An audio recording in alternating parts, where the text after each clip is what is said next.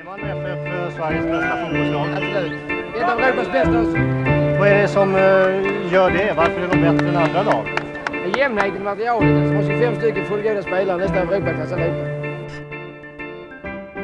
Hjärtligt välkomna till dagens avsnitt av För alltid nummer ett. Jag och Gustav tänkte sätta oss så här kvällen innan eh, hemmapremiären Gustav. Och eh, jag, eh, jag har några grejer, du har några grejer, det blir lite gissa året och eh, lite, lite härliga minnen. Eh, och sen kommer vi prata Elfsborg, motståndet. Eh, det kommer säkert handla lite grann om fantasy, men vad säger du Gustav, vi kör igång va? Ja men det gör vi, vi hoppar rätt in i det tycker jag. Var vill du börja? Ja, vi, vi börjar med Elfsborg tycker jag, Elfsborgsmatchen. Eh, för det är väl ändå eh, Det är väl ändå därför folk kanske lyssnar lite på den här podden. För att höra oss prata om dagsaktuella fotbollsmatcher, inte om eh, eh, managerspel eller massa, massa annat så att säga. Så vi börjar där tycker jag. Ja. Jag tycker, det, jag tycker också det, det är rätt, rätt att börja där. Det, det är nog någon form av respekt mot eh, Elfsborgs eh, supportrarna som kanske sätter på den här podden. För att jag måste kanske börja där direkt. Efter förra avsnittet fick jag ju direkt kritik eh, utav, utav eh, supportrar till Kalmar FF. Att de eh, banne mig visst har folk på sina, sina läktare. Så att jag fick, jag fick pudla lite där. Eh, för jag vet att ni lyssnar. Så att eh, jag vill väl pudla den och så får vi väl ta den bollen eh, när det, när det, rör, när det rör Kalmar FF nästa gång. Och verkligen kolla, eh, kolla om det verkligen stämmer det som, eh, som de säger. Att de har folk på sina läktare. Och att de har sålt ut Guldfågeln. Det, det trodde jag faktiskt inte. Men, eh, men vi måste ha lite respekt för för Elfsborg, eller hur? Ja, fotbollslaget kanske, men läktarmässigt så är det väl kanske inte riktigt där vi ska, ska ha allt för mycket respekt. De, är ju, de var ju 4 500 på premiärmatchen där uppe i, i Borås. Så att, eh, Ja, det, var, det var lite det som var min passage in i det hela kanske. Om du, du tog den rätt snyggt ju. Att, eh, att, att Kalmar nämnde jag sist nämligen. Hade ju inte, hade, hade, hade svårt med folk på, på läktarna och sånt. Och det stämmer kanske inte. För tittar man och jämför med Elfsborg och hur stor, stor staden är Kalmar jämfört med Borås. Så är det ju klasskillnad på de två städerna. Ehm, för, för att Borås och boråsarna ska ju ha en sån sjuk känga. Det är ju nästan så att Norrby, nu har jag inte ens kollat, men jag skulle nästan kunna gissa att Norrby kom upp i ungefär samma siffror alltså på sin hemmapremiär. du får sätta och googla det. Jag tror inte ens Norrby är över 2000 pers på sina matcher. Jag tror de är under 1500 i snitt. Det är också ett jävla skämt för de har ändå Ivo Pekalski i laget så de borde ju vara liksom 10 000 som, eh, som går på deras matcher. Nu ska vi se, Norrby Dalkurd. Vad tror du? Eh, 1500. Fan så hittar man inte det här. Fan vad dåligt, dålig början det blev på den här, det här avsnittet. Välkomna till För alltid nummer ett, podden Ja. om Norrby, Dalkurd och... Eh, Exakt så. Exakt så. Och gissningar om, om antalet, eh, antalet eh, åskådare. Men kör igång om, om, eh, om Elfsborg nu. Vi skiter i deras supportrar om Norrby har flest. Eller om, eh, eller om du var nära på 1500. Det får vara. Eh, jag, jag hittade nu eh, faktiskt. Eh, Norrby Dalkurd var 718 pers på läktaren.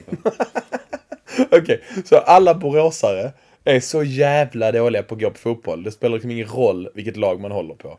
4700 pers ish har gått på, på, på en hemmapremiär i Superettan och i Allsvenskan på de två lagen från Borås. Det är ju det är horribelt iselt.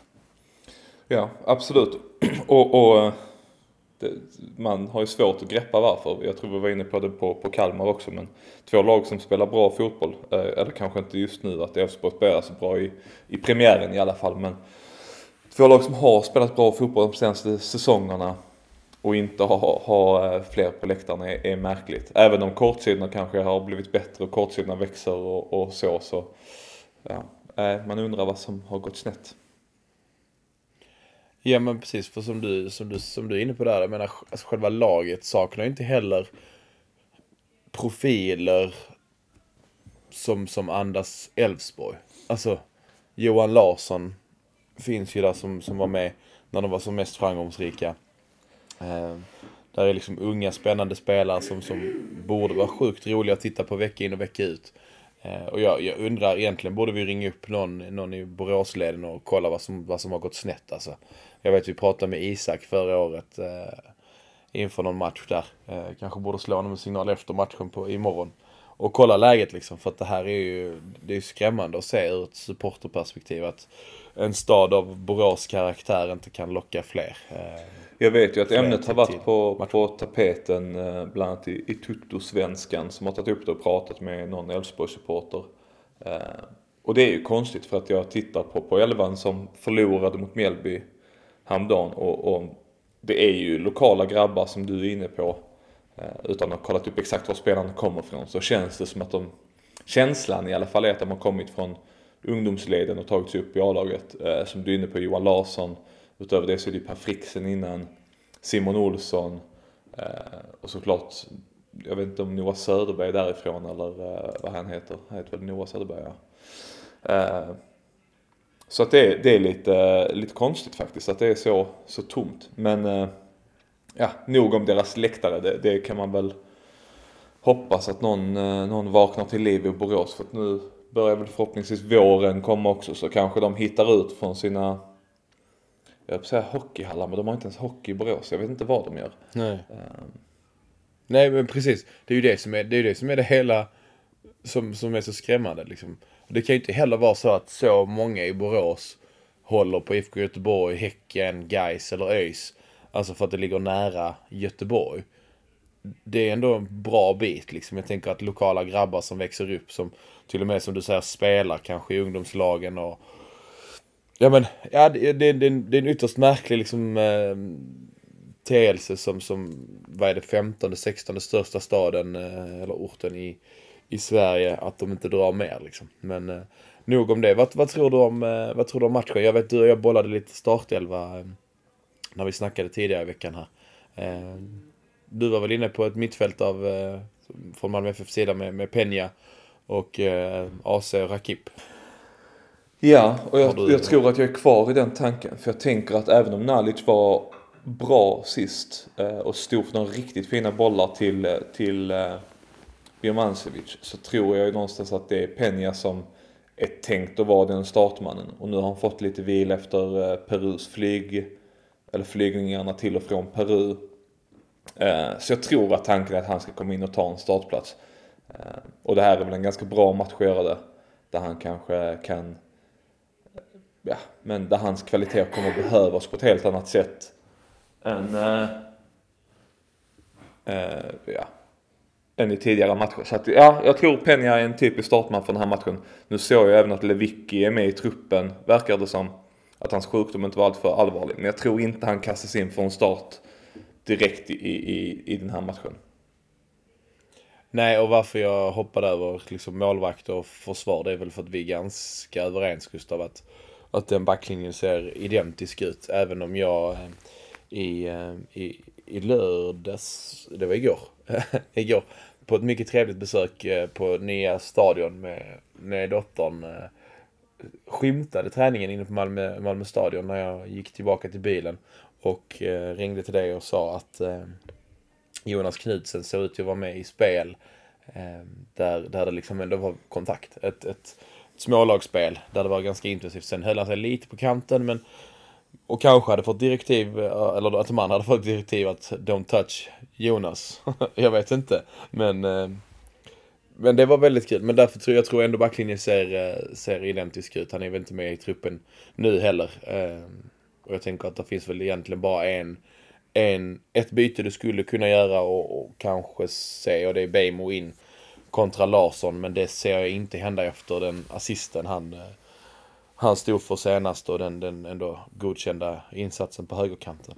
Eh, är du enig på den också? Backlinjen Se- kommer att se identisk ut imorgon. Ja, det är jag rätt övertygad om. Eh, sen som du är inne på, Bejmo, Bejmo Larsson är väl en liten smaksak och baserat på vilken, vem man bedömer gör en bäst insats mot eh, Jeppe Ockel, så är det vad som startar till vänster hos dem oftast. Det är väl det, är väl det man tar in i, i beräkningen här, men ja, jag är inne som du att jag tror det är Erik Larsson för han var bra senast.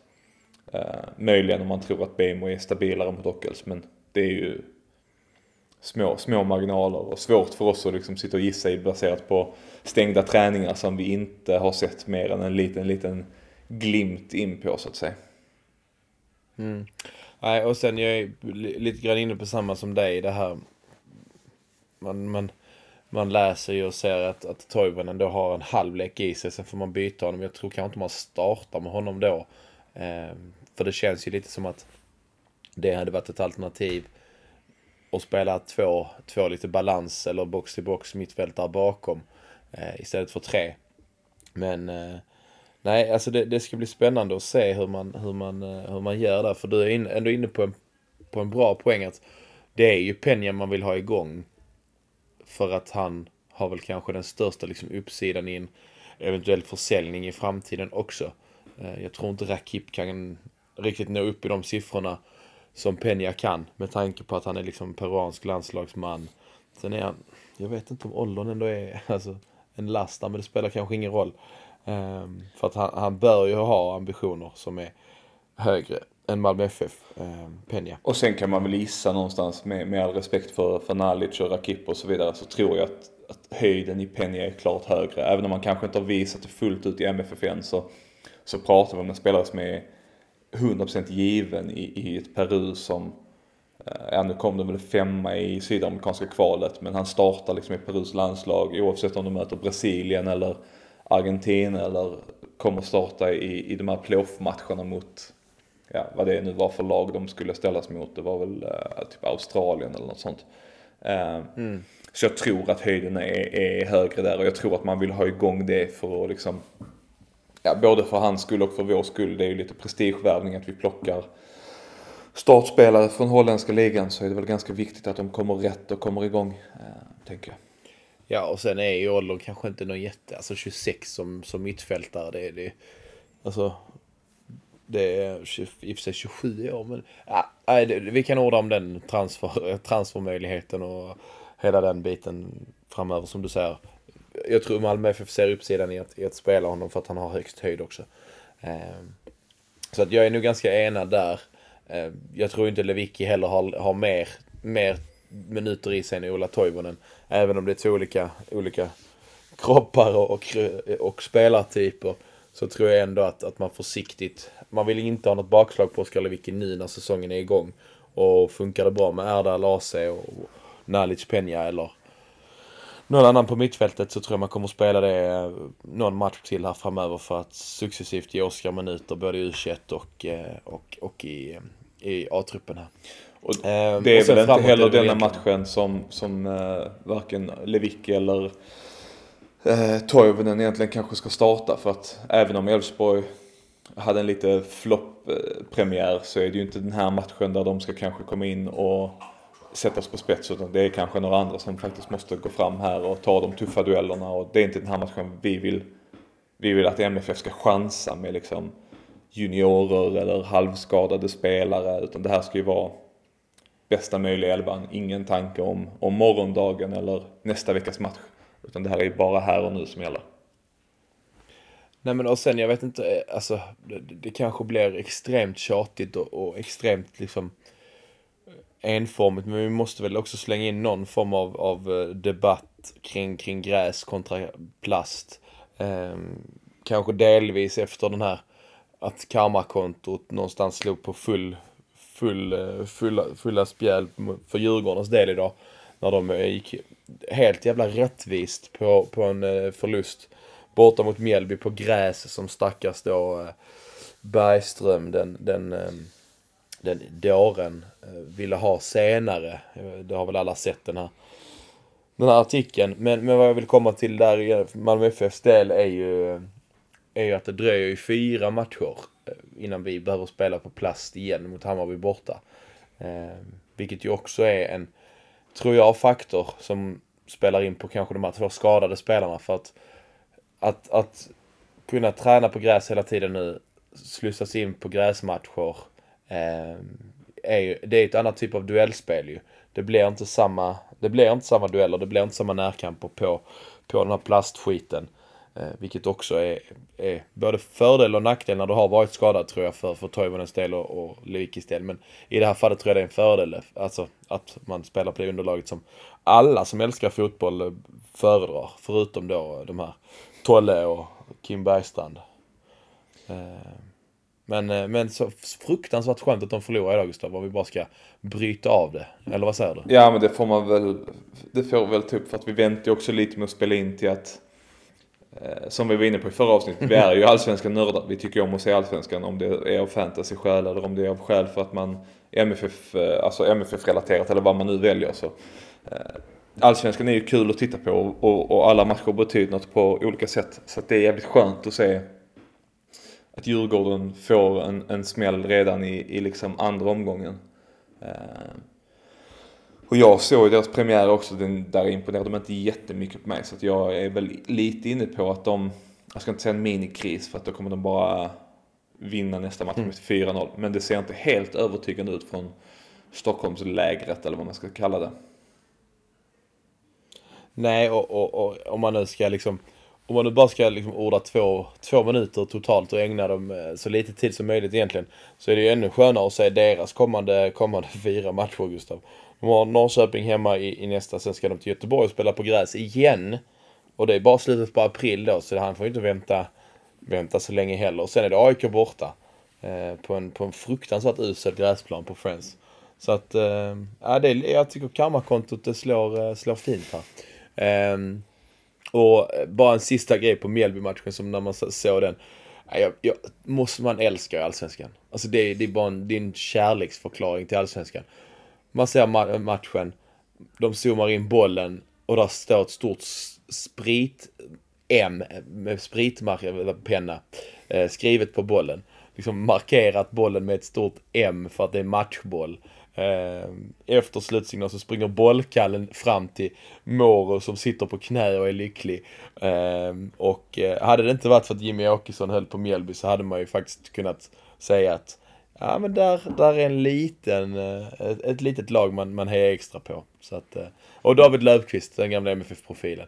Som, som, eh, som kapten i, det här, i den här skutan. Nej, underbart att se Mjällby. Eh, faktiskt. Ja, jag håller faktiskt med. Och det, det, är bra att du tar upp det för att då kan vi koppla tillbaka lite till, till Elfsborg faktiskt. För att, eh, nej, jag såg inte så mycket av eh, Djurgården-Mjällby idag. Men jag tänkte på det när Mjällby mötte Elfsborg förra veckan.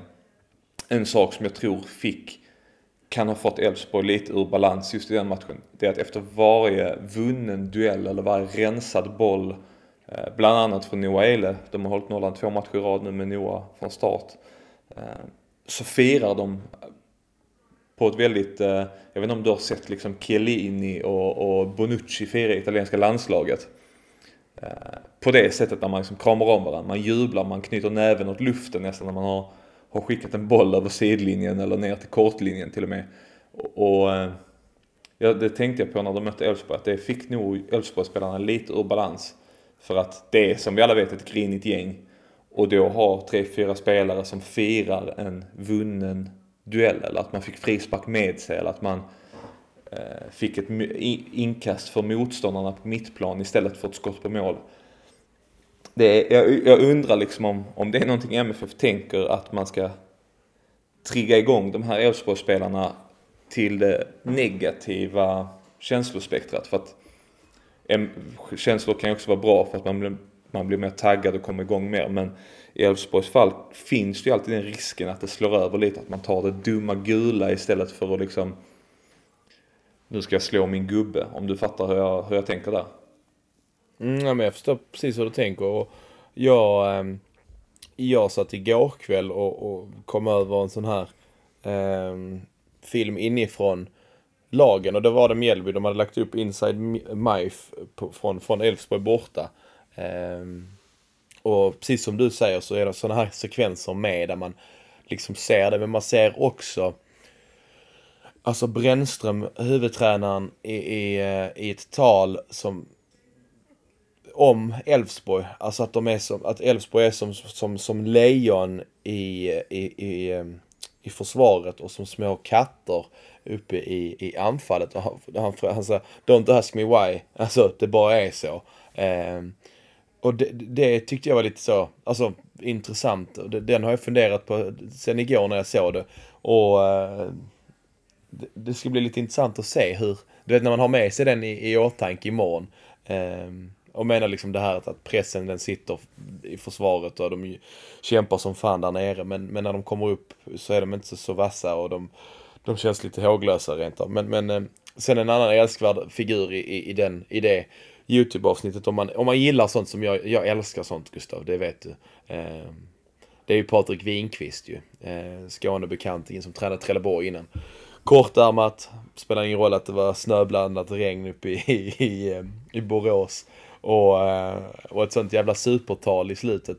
Där, eh, där detta bara var första och sen nästa, njut nu av denna och sen nästa vecka då ska vi, ska vi gå för en ny trea. Och, och sen åker de, och, åker de hem och tar tre poäng mot, eh, mot, mot Djurgården liksom. Så att, nej. Eh, det blev ett jävla hyllavsnitt till Mjällby. Det var inte meningen egentligen men med tanke på att de hade mött Elfsborg.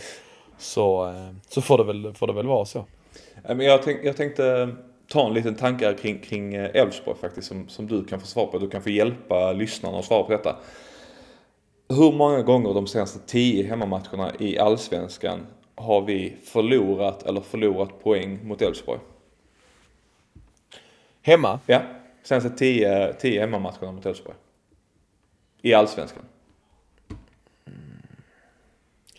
Jag skulle säga att vi har tappat poäng, eller tappat poäng i, i tre av de senaste tio.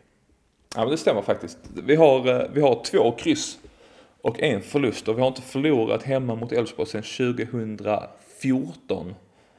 Uh, eh, vi kryssar 2020 Oj. men sen är det, sen är det segrar. Mm, det. Uh, och vi alla minns ju 6-0 segern 2017, den kommer aldrig... Är det Tinnerholm? Ja, den kommer vi aldrig glömma ja. bort men så här statistikmässigt, uh, ja, man kan ju inte gå allt för mycket på, på sån här statistik just kanske men man kan väl kanske lite påstå att det är en, en mardrömsarena för eh, Boråslaget att komma ner till. Det är inte bara ur deras perspektiv nu, det är inte särskilt mycket grönt i kolumnerna här. Eh, och även om vi tittar tillbaka de tio åren innan det så är det, det är en seger till eh, sen 2002. Så det är två segrar totalt. Så att, eh, Nej, men det, jag tycker det är intressant för att, för att jag såg ju lite hastigt bara, jag, jag har inte sett hela, men eh, det trillade över mig också i flödet här. Eh, från Studio MFF inför matchen ju. Där de hade gått igenom alla hemmapremiärer. Och det är ju samma sak där, där är också extremt många liksom, eller extremt få poängtapp och extremt många vinster. Eh, de senaste åren, sen, eller sen stadion byggdes var det i och för sig. Så att jag tror vi är obesegrade hemmapremiärer sen 2009. Eh, och då har vi ändå spelat en extra för vi mötte Trelleborg i, i en bortapremiär hemma på Stadion. Eh, så att, så att det är liksom plus en match på, på alla dem. Eh, så, så att det är nog en god känsla man ska åka in till Malmö imorgon. Eh, och till Stadion. Och ställa sig, jag ska åter, återigen ställa mig på ståplats Gustav och det, det, är, det är både spännande och eh, med en liten skräckblandad förtjusning för att man har ju man har blivit extremt bortskämd med att kunna se fotbollsmatchen och jag jag måste någonstans nu tror jag bearbeta liksom känslan av att okej okay, det, är, det är lugnt Martin om du får en flagga mitt i huvudet i, i, eh, i 85 och det står bara 1-0 eller du vet så här. Jag tror jag behöver jobba lite med mig själv för att det ska liksom någonstans kunna infinna sig återigen den, den känslan av att flaggor är någonting bra. Eh, det ska vi ha. Men, eh, men du, vet, du vet känslan där när man inte ser och frustrationen av att man vill vara med i matchen för att det har man ju nu gjort två års tid. Och, och jag även lite innan dess när jag hade, hade årskort på sittplats. Liksom, så att, nej, men ändå kul att vara tillbaka på ståplats. Jag hoppas att, eh, fler kan ta steget, så att säga, tillbaka. Ursäkta. Ta, ta steget tillbaka. Ja men precis som du säger och, du är inne på eh, en, en bra grej och det är ju flaggor i ansiktet. Det kommer man ju garanterat ha imorgon tror jag eftersom det är eh, flaggdag på läktaren.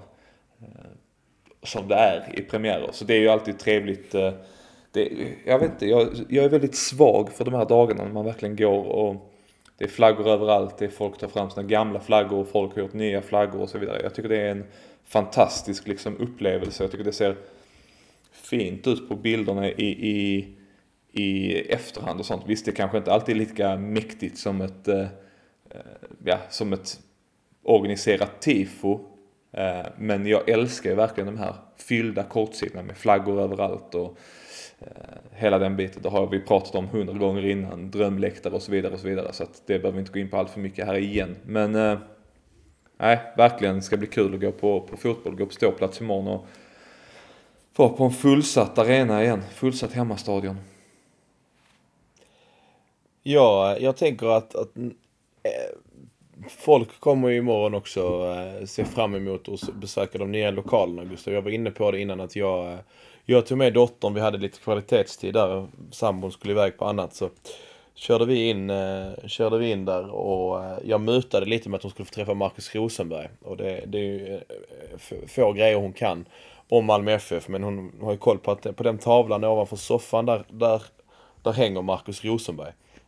Eh, så hon var inte svår och sen var det ju inte lätt, eller eh, inte svårare heller när det, när det kom popcorn in i bilden och hoppborg och grejer. Så, så lite jippo tänkte jag att det skulle vara. Men så kom man ändå dit och eh, fick liksom det här första intrycket som många nu eh, som många nu kommer att åka till matchen och, och, och få liksom i den nya shoppen och museet som, som är inkorporerat där. Och jag stod och snackade en, en lång stund med Pierre Eh, när jag kom dit och liksom han fick berätta lite visioner och var, var skulle baren kunna byggas ut och så vidare.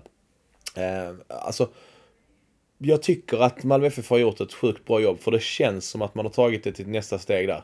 Eh, när ni kommer in dit så kommer ni nog uppleva det som att det är ett internationellt styk på det. Eh, där finns många MFF som, som ju har varit inne i PSGs shop, i Madrids shop och Juventus shop och så vidare ju när man har varit på, på de här bortamatcherna. Och eh, jag tror att man har tagit mycket, mycket inspiration och lärdom av det. Och museet kommer att leva på ett helt annat sätt när det är inkorporerat så här i, i shoppen. Eh, och sen gillade jag personligen det, det här lite mörkare eh, stuket på det. Eh, för att då, då, då framhävs ju det ljusblå vita på ett helt annat sätt än när det är på, på en eh, vit eller ljus vägg som emblemet sitter till exempel. Så att, eh, nej, jag, jag skulle säga att det, det är otroligt kul att, eh, att man har gjort det här och det kommer, det kommer eh, öka liksom det kommer öka flödet av folk på ett annat sätt. Det kommer vara lättare att ta ett litet extra varv i museet vid en, eh, vid en match där det är kanske lite mindre folk på läktarna eller eh, Eh, en veckodag när du, när du bara ska in i shoppen och handla något så, så tar du ett litet extra varv i, i museet ser om något är ändrat eller om det är någonting nytt. Eh, så en schysst grej med, med QR-koder så man liksom ska kunna se lite filmer och bilder och sånt. Som, eh, som kommer göra att det lever på ett, på ett sätt som är, är grymt. Och sen en sista grej som Anders Paulsson berättade när han, eh, när han höll sitt invigningstal. Det är att man kommer göra lite, lite barer eller restauranger eller sittplatser ute i, på södra sidan i nästa etapp. Och det, det kan vi väl vara överens om allihopa att Solsidan där kan vara, kan vara rätt fin att ta en eh, matchuppladdning på när man vill vara nära på stadion. För att nu är det ju fan inte kul på, på eh, den norra sidan när det är kallt och ruggigt. Nej, Eriks har ju verkligen en förmåga att vara riktigt kallt. När, även, även varma dagar så, så blir det någon slags blåshål mitt i skuggan. Så det är inte alltid eh, skitkul att sitta där och försöka. Nej, men som sagt, det, det, det, ja, alla kommer få, få sin egen upplevelse. Men som sagt, jag, jag är extremt positiv, eh, positiv till, till det, det intrycket. Eh, jag- tänker så här Gustav, sista grejen jag hade skrivit upp som, som eh, punkt är ett, ett minne från en hemmapremiär. Eh, jag vet att du också har funderat, funderat lite på den. Vad vad- vad tänker du, alltså vilken, vilken hemmapremiär ligger dig närmast om hjärtat och varför? Alltså det här, jag, jag satt och funderade på detta, för du skrev ju detta häromdagen. Eh, och jag har haft svårt att peka ut just en specifik eh, match på det sättet. En som sticker ut, som bryter lite mot dina regler på något sätt och, och som i efterhand var minnet kanske inte så fantastiskt eftersom vi i slutändan förlorade matchen. Är ju Mjällby-matchen i fjol. Och jag vet, jag vet som sagt att jag bryter mot dina regler och pratar hemma, hemmapremiär och så vidare. Men alla vet ju hur de två senaste åren var. Eh, och den känslan när man gick här utanför, eh, utan, faktiskt precis utanför där jag bor, eh, den stora marschen, hela den uppladdningen som var, hela känslan som var inför matchen. Eh, den har på något sätt fastnat, även om som sagt matchen inte blev så bra och det inte var en premiärmatch så blev ju en mental premiärmatch. Det blev en premiärmatch med publik på läktarna igen. Så jag kommer faktiskt säga Mjällby-matchen från i fjol, kanske för att den är, är nära i minnet, kanske för att den, eh, eh, jag vet inte, jag höll på att säga att för, för att matchen var som den var det och den också minnesvärd på ett sätt, eh, på ett dåligt sätt. Men nej, jag tror jag landar där för det var också en, en, en bra en, en, bra dag eh, vädermässigt om jag inte minns helt fel. Och det, det är ju alltid uppskattat. Man vill ju alltid ha den här vårvärmen när man kan njuta riktigt mycket och ta en, eh, sitta på en uteservering innan och så vidare. Ja, nej men absolut. Och eh, eh, som du skrev precis eh, för en stund sedan till mig, det, det blir extremt mycket Mjällby. Ännu mer Mjällby. Eh, Men, men det, det ska de kanske ha. Nej men och, och precis som du är inne på, jag tror att om, om, om man ställer frågan till folk så här, vilken är din favoritpremiär, alltså hemmapremiär? Så tror jag inte, alltså där är nog ingen så som sticker ut något extremt va? Alltså så här som som vi missar nu. Det kanske är någon vi går helt bet på. Ehm, men, men jag tror generellt som du är inne på, hela den här känslan av av en hemmapremiär, känslan av att det är folk som har med sig flaggor, man ser flaggor överallt. Den här goa känslan som förvisso nu kanske har bytts ut till när det är cupmatcher, den här att man, folk har halsdukar på jobbet, eh, man ser någon med matchtröja, ehm, liksom på stan lite tidigare. Ehm, en sak som jag nog ändå vill lyfta, det är de här hemma, eh, alltså hemmapremiärerna som har legat på, på, på söndagar klockan tre, eh, lördagar klockan tre. Där, där man liksom på något sätt, på ett helt annat sätt har kunnat ladda upp. Det, det, det är visst, det är skönt men en kvällsmatch och allt vad det innebär och kanske ett mörker sänker sig lite och det blir elljus på vägen hem och, och, och så i, i, som du säger, den kalla vårkvällen. Men eh, men det är någonting det här när, när, liksom, när hela helgen går åt, när det liksom är helgens mittpunkt. Eh, och jag, eh, jag kommer ihåg en, det kanske var 2009, det kan ha varit 2010, där det var en sån extrem marsch eh, från Möllan. Kanske en av de bästa. Eh, extremt mycket pyro, extremt mycket flaggor. Eh, där jag, där jag även gick och filmade av någon anledning. Det var nu till något skolprojekt. Eh, gick och filmade. Eh, så att jag hade liksom en helt annan bild utav, utav den här hemmapremiären än när man alla de andra gångerna har gått i, i de här eh, marscherna och i tågen. Fick se det lite utifrån. Det var grymt. Jag gjorde ett skolarbete på gymnasiet om, om läktarkultur. Så det måste varit 2008 eller 2009. Det kan inte varit 2010 för det hade gått ut gymnasiet. Ehm, så att det är de, de där liksom lite 2009 var det, det var första. Det var första på, på Stadion. Den var grym. Det är också en fin sen, premiärmatch. Eh, ja. Den var väl, vad blev det? 3-0 till slut va? Labbe. Mot, mot Örgryte va? Eh, så kan det nog ha varit. Labbe gör väl först ja. till och med. Eh, Precis. Vilket gör det ännu, äh, hemskt att säga på ett sätt, men det gör det ju ännu hela lite mer minnesvärt kanske man kan säga och gör att man blir ännu lite mer emotionell kring den matchen. Eh, eftersom det var, det var kanske där han var som bäst liksom. Eh. Det tycker jag inte alls att, att det, det är någonting utan det är ju, det är ju så, så, sånt som händer, sånt som sker med, med minnen och historier och det men som jag nämnde innan det här att, att eh, min dotter fick följa med och träffa Marcus Rosenberg. Hon har aldrig sett honom spela men, men någonstans har hon ju ändå liksom fått växa upp nu de här tre åren med att pappa tycker att, att Markus Rosenberg är någonting att, eh, att liksom lyfta upp och så. Och det är klart att det kommer ju, kommer ju eh, förändras framöver i historien när hon också blir tillräckligt stor och kan själv kolla klipp och förstå att okej, okay, han var så här bra och duktig liksom, förhoppningsvis. Men, men eh, någonstans eh, någonstans är, eh, är historien vad den är och den förändras och eh, ibland förfinas som, som i det här fallet tyvärr av ett tragiskt eh, dödsfall på, på, på, på Labby.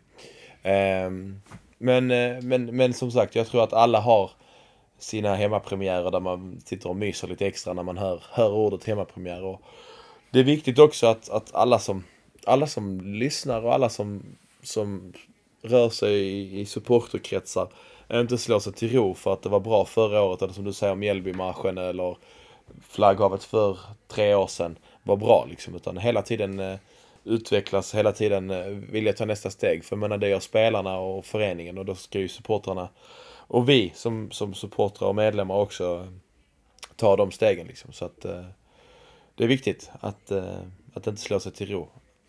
Jag tycker bara att du säger, jag vill bara ta, ta och kommentera det. Jag tycker du är inne på en ganska bra sak där med lördag och söndagsmatcher.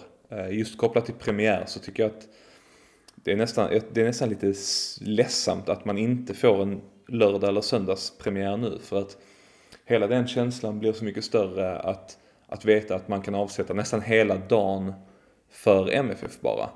Eh, och för premiären och för liksom det mentala spelet och sen själv. Men med måndagsmatcher eller med veckomatcher så tycker jag ofta att det blir, alltså folk är ju på jobbet, folk kommer alltid vara på jobbet generellt sett oftare på, på en måndag än på en söndag. Och då blir det lite svårare att, jag menar, man ska hinna ta sig till Möllan eller oh jag hinner inte för att jag måste jobba sent så, så jag kommer direkt till stadion. Jag tycker det förtar lite av premiärkänslan. Just premiär, det, det är mer okej senare under säsongen för min del men premiären tycker jag ska vara liksom det är ett heldagsevent. Jag vill inte sitta och behöva tänka på, på, eh, på mina mail eller på eh, eventuella andra jobbfrågor liksom. Utan jag vill bara ägna dagen åt MFF. Jag vill sitta och vakna upp på morgonen och kolla gamla highlights, kolla gamla klipp, kolla någon bortamarsch. Eh, eller något i den stilen. Men nu blir det lite, lite konstig, känsla, äh, inte konstig känsla, det är också fel ord. Men det blir lite, man blir lite rånad på en stor del av premiärkänslan om du eh, med, med måndagsmatch tycker jag. Ja men absolut, jag håller med dig. Och jag tänker att, jag tänker att vi, eh, vi som är medlemmar och, och framförallt eh, vad he- heter det, intresseorganisationen eh, SFSU, eh, alltså Svenska Su- Supporter, vad heter det? Svenska Supporterunionen heter det väl? SFS? Unionen heter det. Ja men jag satt och letade efter, jag tänkte vad är U? Eh, Svenska Supportunionen som, som verkar i sådana här frågor. Där borde kanske lyftas någon, någon form av dialog kring det att, att omgång 1, omgång 2, omgång 29, omgång 30. De ska ligga på, på, eh, på helgen. Alltså absolut senast 17.30 en söndag. Ehm, just av den här anledningen som du säger att jag menar har man en borta premiär i, i andra omgången då, då kanske du vill åka upp liksom på lördagskvällen och stanna över och sen komma hem sent på söndag. Men ändå liksom som du säger kunna, kunna åka till jobbet som vanligt på måndag, eh, måndag morgon där. Så att inte den ligger, ligger utspridd som den gör nu. Eh, jag tycker det, det hade varit värdigt för, för dels för alla supportrar men också att det hade blivit sjukt fett med, med en start där det liksom är lite komprimerat till säg fyra avsparkstider eh, på lördagen. Eh, alltså lördagen och söndagen kombinerat. Och sen samma sak av samma anledning att allsvenskan ska avgöras omgång 29-30. Den kan vara avgjord innan såklart men, men mer att alla ska spela, spela samtidigt. Eh, i sista omgången. Jag tycker man ska göra det i omgång 29, kanske till och med 28 också. Eh, just av anledningen att det kan vara guld och avgörande strid, strider där. Eh, vad säger du Gustav, har vi något mer? Eller jag tycker, eh, jag tycker jag har fått med allt jag, jag ville säga om Elfsborg. Vi ska självklart gå ut och krossa, krossa de gule från Borås där ingen gillar fotboll. Det är väl bara att cementera deras eh, snudd på krisinledning genom en, en stabil seger imorgon. Eh, Det var ju lite krampaktigt mot Kalmar så att man hoppas att de har sprungit av sig, jagat av sig lite av den här eh, eh, vinterledigheten höll säga. Men det, har, det är april, det är cupfinal på gång. Så att, men eh, den allsvenska startnerven kanske man har jagat bort och lyckas ha en ganska bra, trevlig fotbollsmatch imorgon som vi, som, eh, vi går segrande ur. Men eh, jag tänker att vi skippar gissa-året för, för idag. Det är ändå eh, ett ganska långt avsnitt. Folk ska hinna lyssna klart på hela innan eh, arbetsdagen är slut. Kanske redan innan man hinner ta sig till jobbet. Eh, och då kan vi inte hålla på för mycket. Då ska man ha långt till jobbet om man hinner lyssna på hela innan jobbet känner jag. Eller fan, då tycker vi synd om er om det var så långt att ni nu fortfarande sitter och lyssnar och inte har kommit fram till era jobb. Och sitter Men, och eh, väntar på på, stadion. gissa-året som du lovade innan. Eh, men det tar vi Ja. nästa gång. Eller någon gång. Ja. Det tycker jag. Nej men eh, som sagt, vi ses på stadion och eh, fram tills dess så eh, ta hand om er. Ha det gött. Ha det gött. Hej. Hej.